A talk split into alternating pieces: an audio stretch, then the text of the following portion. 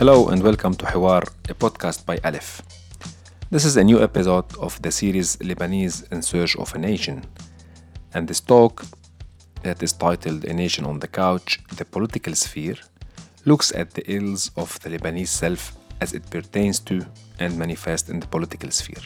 In this episode, Dr. Samir Mahmoud explores the issues of the Lebanese self that has multiple sources of identity nuclear family, extended family, clan, tribe, sect, religion, political movement, city, town, region, and then at the end comes the Lebanese identity.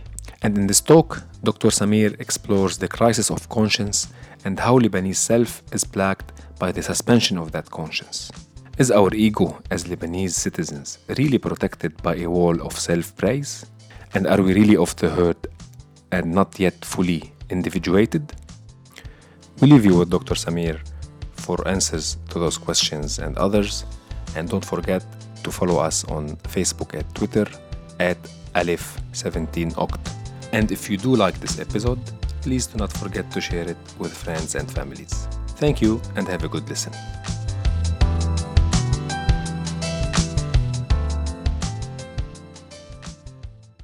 The image of a nation on the couch is a psychoanalytic image, but I don't want you to take it literally. literally. It's an image I think that is very useful um, because it suggests that um, the first step towards any change is really um, through a process of self-change, and self-change is only possible through, through self-knowledge, and self-knowledge is only possible through self-critique.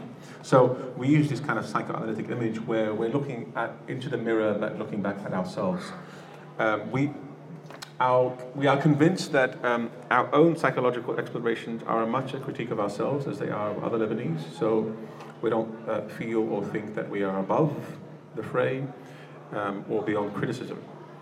Uh, many other countries have suffered similar issues uh, to Lebanon, so it's not unique exclusively to Lebanon. And why that is a source of hope is because if other countries are like that, it's not ex- we're not exclusively insane, as it were. Um, but at the same time, there's a lot of hope for change because it has happened elsewhere. No amount of self understanding is enough uh, without the importance of structural changes in Lebanon. So, uh, Paul Tubber raised a very important point. All this is good and well, however, without structural change, economic policies, etc., uh, etc., et uh, can this get very far? Um, we, we do think that uh, change has to happen along two parallel paths. Uh, one is through educational self-change awareness, and the other is more structural uh, changes that are required in Lebanon. Um, we don't we don't want to generalize and say all Lebanese suffer from some of these um, issues, but uh, many do, and um, many of the Lebanese who oh why is it uh, many of the Lebanese who went and demonstrated seven, on 17th of October um, really prove to us that uh, many uh, do hope for a different path uh, of change for, for Lebanon. Uh, change is not only necessary but also possible, and that's a, a, glimmer of hope right there. For those who didn't attend last uh, lecture, I don't know why it's constantly jumping between slides. Um, we talked about how Lebanon is extremely polarized. Polarization in politics, whether it's US um, recent elections, um, polarization is when uh, various groups in society end up being um, uh, end up on opposite sides of a spectrum. The country becomes split into two poles, and um, the one single difference between them, or a core difference, seems to override any possible commonalities they may have in common.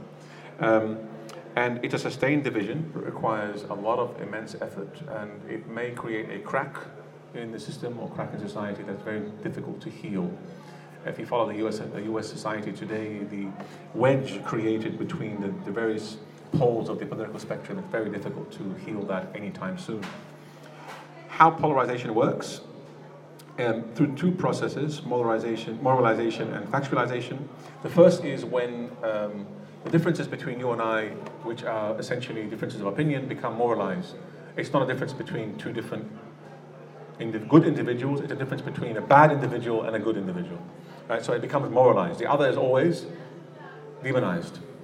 Um, and so when a difference of opinion turns into a moral demonization of the other, then um, it, it, it, becomes quite severe and it can turn violent uh, very easily.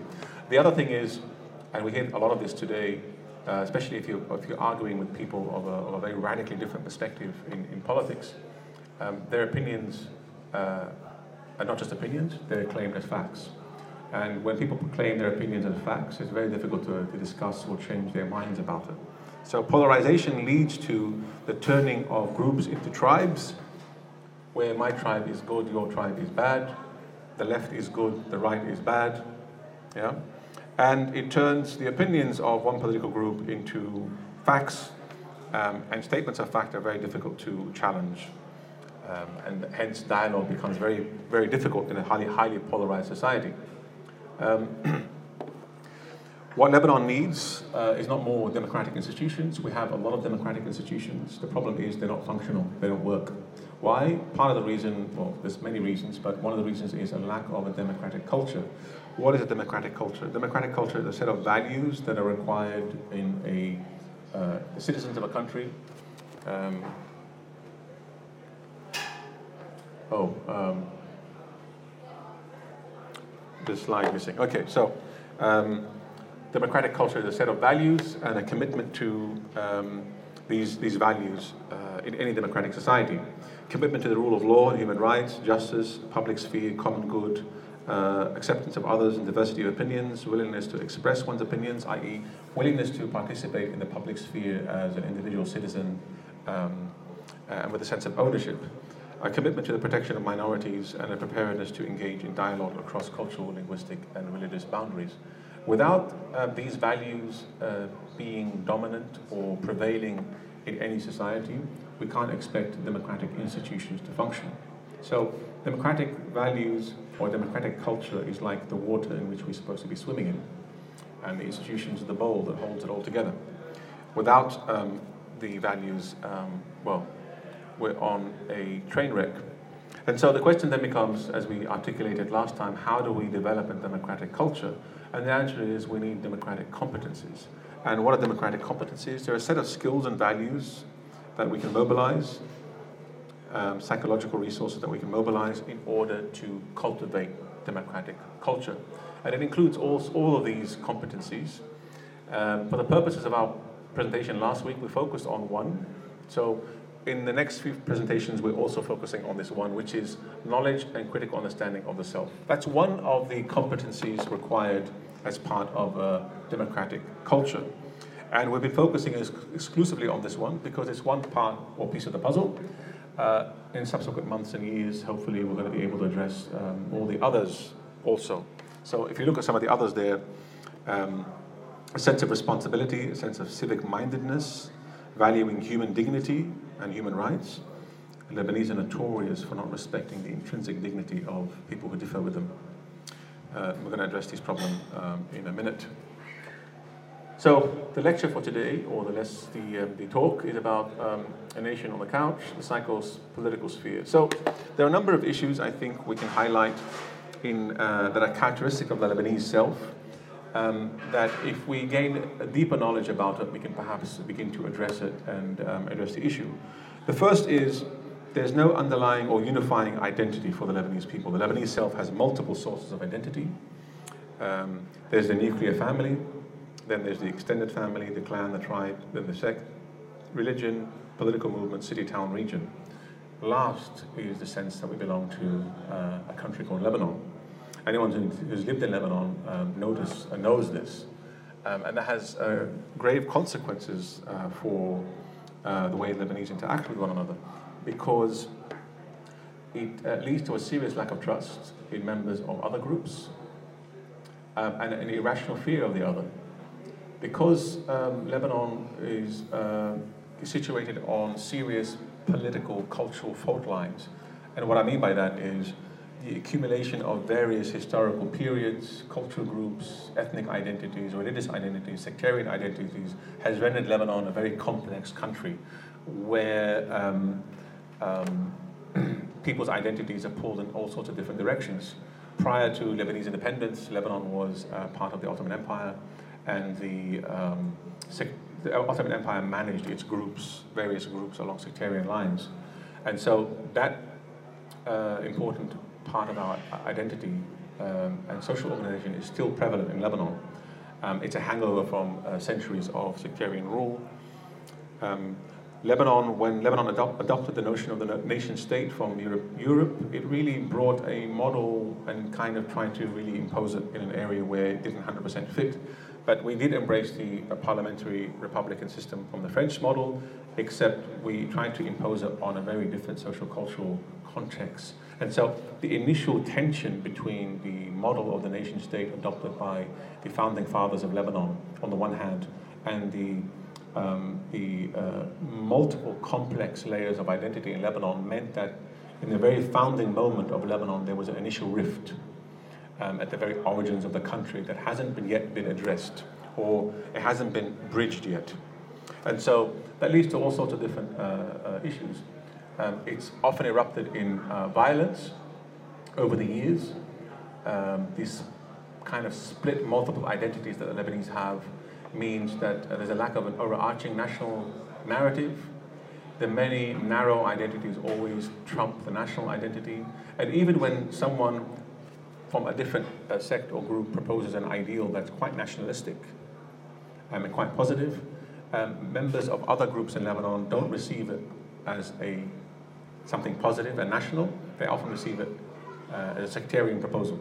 So this lack of trust in, let's say, a Sunni leader comes up and says, I'm going to propose a very national plan for Lebanon, for all Lebanese. Uh, members of other sects will often receive it as um, suspiciously. There must be an ulterior motive for uh, this proposal, as opposed to uh, let's take it at its face value as something that's quite. And so even nationalistic ideals and narratives become clouded through the lens of uh, sectarian uh, perspectives. Um, there's no sense of strong civic ownership and duty. Because Lebanon, um, belo- uh, Lebanese belong to various different kinds of local communities, or um, there's a reason a se- strong sense in which I have a duty towards the public domain, and because the public domain, of course, represents the national civic um, identity of a country. And so Lebanese have a very strong sense of civic duty. Uh, sorry, a very weak sense of civic duty, a very strong sense of sectarian duty. You know, people are very loyal to their local area, they're very loyal to their sect, they're very loyal to their religion, but what does it mean to be loyal to Lebanon? It is a foreign notion to Lebanese. Um, and it, it's absurd, but if you've ever lived in Lebanon, um, our loyalty to something called Lebanon is only insofar as I'm loyal to where I am from or the sect I belong to. Um, and so, uh, as a result of all this, there is usually um, a triumph of sectarian dictatorship. Because of this, um, political powers that be are able to then mobilize their followers, people within society, along sectarian lines, and then reign triumphant over their sect, their empire, their sect or their kingdom, um, because, uh, because of these kind of um, default sectarian positions that people usually have.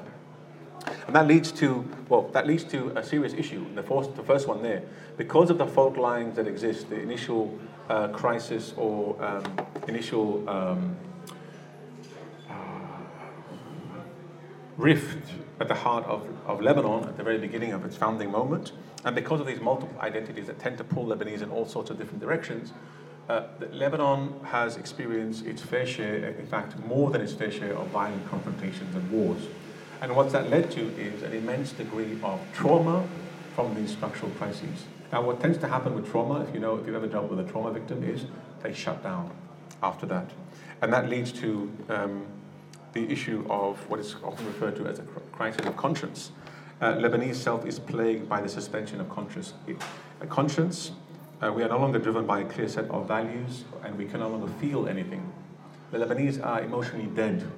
Not in the sense that we, um, well, we still party and we have a lot of passion and emotion for all sorts of different things. But in terms of our ability to um, engage with others and our ability to feel anything, what is morally right, morally wrong, what's politically right, politically wrong, um, we're quite um, dead. So we're unable to feel anything, and this leads to a lack of empathy with others. Uh, like uh, someone who's witnessed so much war, a lot of um, genocide and death, you, be, you develop um, an ability to resist, um, you know, the pain of, of death and murder, and you become almost um, uh, immune to it. And so that leads to an inability to discern, critically distinguish between um, uh, what is right and what is wrong, or decide or judge morally. Um, and it leads the Lebanese to live in self denial of reality. Because we shut down, confronted by constant despair in the face of failure again and again, and the constant trauma of violence and confrontation, we shut down and then we live in a denial of the reality around us. In fact, what we end up doing is projecting uh, an, an, ideal image of uh, ourselves, but living in, um, in uh, a reality that's uh, utterly and completely different. And so, what that leads to is that the Lebanese person or self is able to live with uh, several contradictions that coexist within the same person. And we're going to talk about some of these uh, in the next slide. In the face of despair, this self, whose conscience has been suspended, absolves itself of action. We've been through too many wars, we've tried change too many times, it's pointless. I absolve myself of the need to act or the, even the ability to act, and then I justify it. And it's a self defensive mechanism. In the face of trauma, people, uh, if you ever faced a trauma victim, especially in, in a situation of domestic abuse, for example, um, they give up on the ability to escape the clutches of the um, abusing husband or abusing wife, but usually it's abusing husband, and um, they uh, unable to get out of the clutches of it and justify justify their inability to do anything uh, as a result of this kind of despair. And so one problem leads to another, and what you end up with is situation in which the Lebanese person, in compensation for um, uh, being beaten down to the ground and humiliated, um, socially, existentially, politically speaking, the Lebanese compensate by uh, uh, developing an over sense of, uh, overinflated sense of self-worth, uh, protected by a wall of self-congratulatory praise. so the Lebanese projects an ideal image, an ideal self, but lives in a very different self. The ideal self is honorable, ethical, lofty, and the real self is corrupt, selfish, deceptive, but it is denied. So, if you've ever been to Lebanon and spoken to Lebanese, everyone complains about throwing the rubbish. You know, who's throwing this rubbish out in the streets? Who's driving illegally? Look at this corrupt society, look corrupt people. Every Lebanese says that. Who on earth is actually doing these then, if everyone's complaining about it? It's the same people who are complaining about it. So this kind of split personality. On the one hand, my ideal self uh, doesn't sit well with all this, and so I project my own image and identify with this, uh, this self image. Um, socially, at least, I project it outwardly, and I live in denial that I'm actually the exact opposite of that, where in fact my lived reality is deceptive, selfish, and corrupt. And when you confront the Lebanese with the fact that you're lying, you just lied to me, you just deceived me, just let a million ways to get around around it, justify it. Um, because it's the only way to deal with um, a reality in which uh, they have lost all sense of self worth and dignity. So they use deception to, to transgress the boundaries of others. All criticism is rejected. You can't criticize the ideal projected self um, because it's perfect. And At the same time, you can't point out that they're actually hypocritically living the exact opposite um, because they're living in denial. Um, and so this kind of overinflated sense of self-worth with an ideal image with which we tend to identify leads to a number of issues. Um, that is, um, at least politically speaking, uh, we only yield to another overinflated ego that can dominate us because that's the only thing we can recognize. We can only recognize a significant other person, socially speaking, if they have um, uh, succeeded in dominating others. And this leads to a very bizarre phenomenon among Lebanese, which is every Lebanese person aspires to political office. If you've been to Lebanon, everyone wants to become an MP, a minister, uh, prime minister, even a working council for some reason. I, I never understood the why would you want to become muhtar or a working council, other than the obvious opportunity to steal a lot? Um, not everyone does it, but it's the socially recognized status. Um, why? Hmm? Yeah, yeah, yeah, yeah. I mean, yeah, I Lebanon, everyone, Lebanon. Yeah, yeah, exactly. Um, because we seem to belong to a culture where the only true sense of achievement and self worth is where you enter into the political game and you win and succeed and you dominate. Political authority becomes a means by which we assert um, uh, a sense of, uh, of, worth and achievement in life um, with dire consequences. Um, and this, of course, is intimately connected with uh, another aspect or problem or issue with, with the Lebanese self, if we will. Um, and of course, we don't want to generalize, not all Lebanese are like that, but um, a fair number of Lebanese are, and it's enough to create a certain critical mass to um, create a, well, lead to a society that's quite self-destructive. But the Lebanese self is of the herd. A lack of self-consciousness uh, characterizes a lot of Lebanese. Um, and the reason why I've uh, used the model of analysis, psychoanalysis, is because there's an intimate connection between the model of psychoanalysis and democracy. If democracy is about empowering the individual to, to practice their individual right to choose um, their political representatives, um, and if psychoanalysis or if psychology of self or self knowledge is a process of empowering myself in order to freely choose, to know myself in order that I might, might, I might achieve a certain degree of freedom to choose consciously and rationally what I want to do, then self-knowledge then becomes an aid for democracy, right? Because it becomes a means by which I empower or individuals become empowered and are able to then escape the, the, the, the, um, the shackles of um, their sectarian identities. And so uh, with this lack of self-consciousness, this lack of awareness that actually this is all going on in the background, the individual is prone to dissolve in the crowd. Um, Lebanon may not have suffered um, or succumbed to fascism, but it has succumbed to the fascism of its sects, where we, many Lebanese um, dissolve because of this inability to, uh, to uh, develop this self-conscious understanding or, and this decide we end up handing over the reins of our autonomy to uh, political leaders uh, or the safety and comfort of our taifa, our sect or our group. And um, part of the contradiction that the Lebanese lives with is the fact that public life becomes a stage upon which I project all the ideals of my ideal self or fake self. I buy the latest Mercedes, I, I wear the best clothes, I, I marry this person's daughter or this person's uh, partner, uh, you know, the son or something like that. I go to AUB. You know, if I go to AUB, I'm untouchable. I'm invincible. Um, I taught so I, I, know the arrogance of students that have um, this idea of showmanship. Um, while on the other hand, we preach modesty, we preach honesty, we preach all the values that we don't embody in our own lives. And so this obsession, obsession with superficial appearances um, is reflective of something quite deeper, which is that outward reality, our outward reality is governed by order. Our public life, what people see is perfectly ordered. We make sure people see it that way. But our inward reality is really governed by chaos. It's dark, chaotic. Um, but the self that is uh, lacks this degree of self-consciousness is a self that is likely to surrender its autonomy to an external savior for two reasons. One is because it doesn't have enough self-consciousness and knowledge to actually decide for itself, and second, because it absolves itself of any sense of responsibility for the failure that will inevitably happen.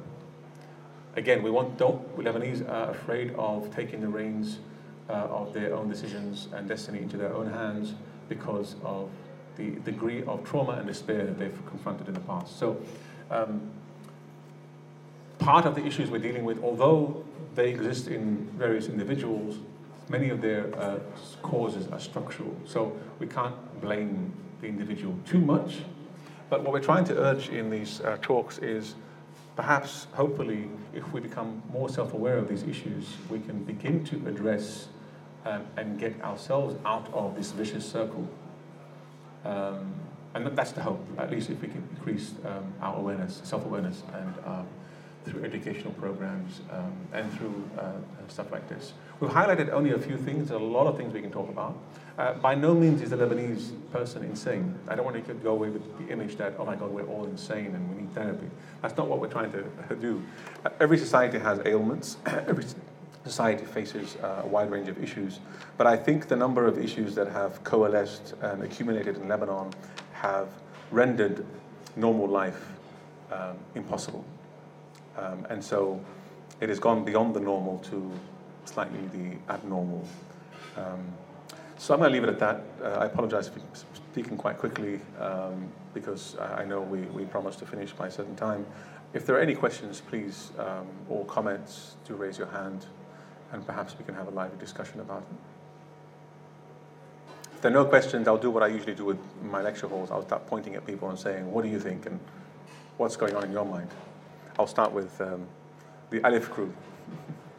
um, any questions or comments? Um, objections, criticisms, rebuttals? No. Um, is the general idea relatively clear?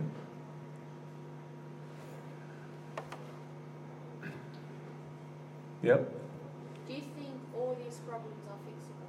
Like, is there anything we can do? Oh, definitely, definitely. Yeah, I mean, um, they're not um, they're not intractable. I mean, they are they are fixable, and uh, sometimes a, a small measure of self-awareness goes a very very long way. I remember sitting in Tripoli, meeting um, and discussing with a lot of the people who are demonstrating. You can see that this is growing self-awareness that we come from a certain background where we're taught this and this and this and this, but we now know that this is not the way forward. Um, and you can see people quickly shedding these assumptions and these kind of uh, and trying to assume a new set of values, a new discourse, a new vision for Lebanon, which is why I think 17th uh, of October uprising was quite promising. The first time in Lebanese history, um, large number of Lebanese across all sectarian groups and political groups get together um, in the name of uh, Lebanon. And I think one, one interesting thing about one interesting thing I didn't mention here about if, if people collectively together go through traumas together, they can build a sense of identity in common. Perhaps Lebanon's great tragedies have become um, the, uh, the opportunity now to forge in blood and sweat a sense of commonality and common history. Um, our founding, you know, the founding events of great republics were based on revolution and bloodshed an original myth, the French Republic, for example.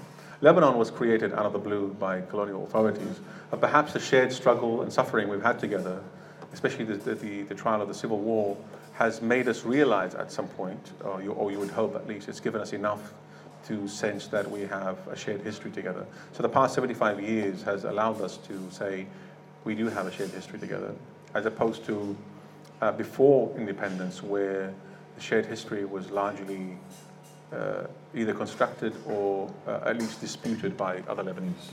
Yeah. So we're at a very important turning point. Well, a lot of these issues are intergenerational. I mean, if you're brought up in a household where um, a lot of these issues are, and perspectives are, are the norm, um, then uh, Lebanese who grow up in households here um, with that same discourse and that, same perspective is contagious. It's contagious. Uh, in the same way that certain genetic disorders can could go from you know, one generation to the next. There are psycholo- psychological studies that show there are certain uh, psychological dispositions, assumptions, prejudice that can go from one generation to the next because you're growing up in a, in a household and an environment where these images, uh, values, assumptions are perpetuated. So, um, and yes, um, that's why part of the mission of Alif is to help also address a lot of the prejudice and misunderstanding and some of these issues that exist among second, third generation Lebanese here it's quite scary. I mean, you know, university elections among students at University of Sydney run along sectarian lines.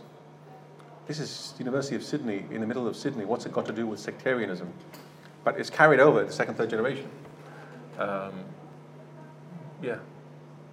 So a lot of education and awareness needs to be done also here, not just uh, in Lebanon.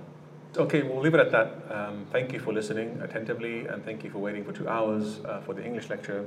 Uh, hopefully you'll join us for um, our next lecture, which will be about um, the idealization uh, or mobilization of religion in the name of ideology by uh, Lebanese character and its catastrophic, catastrophic effects on Lebanese society. And then on the fourth and final lecture, we'll be looking at practical solutions or possible ways, pathways out of the, uh, these, these problems.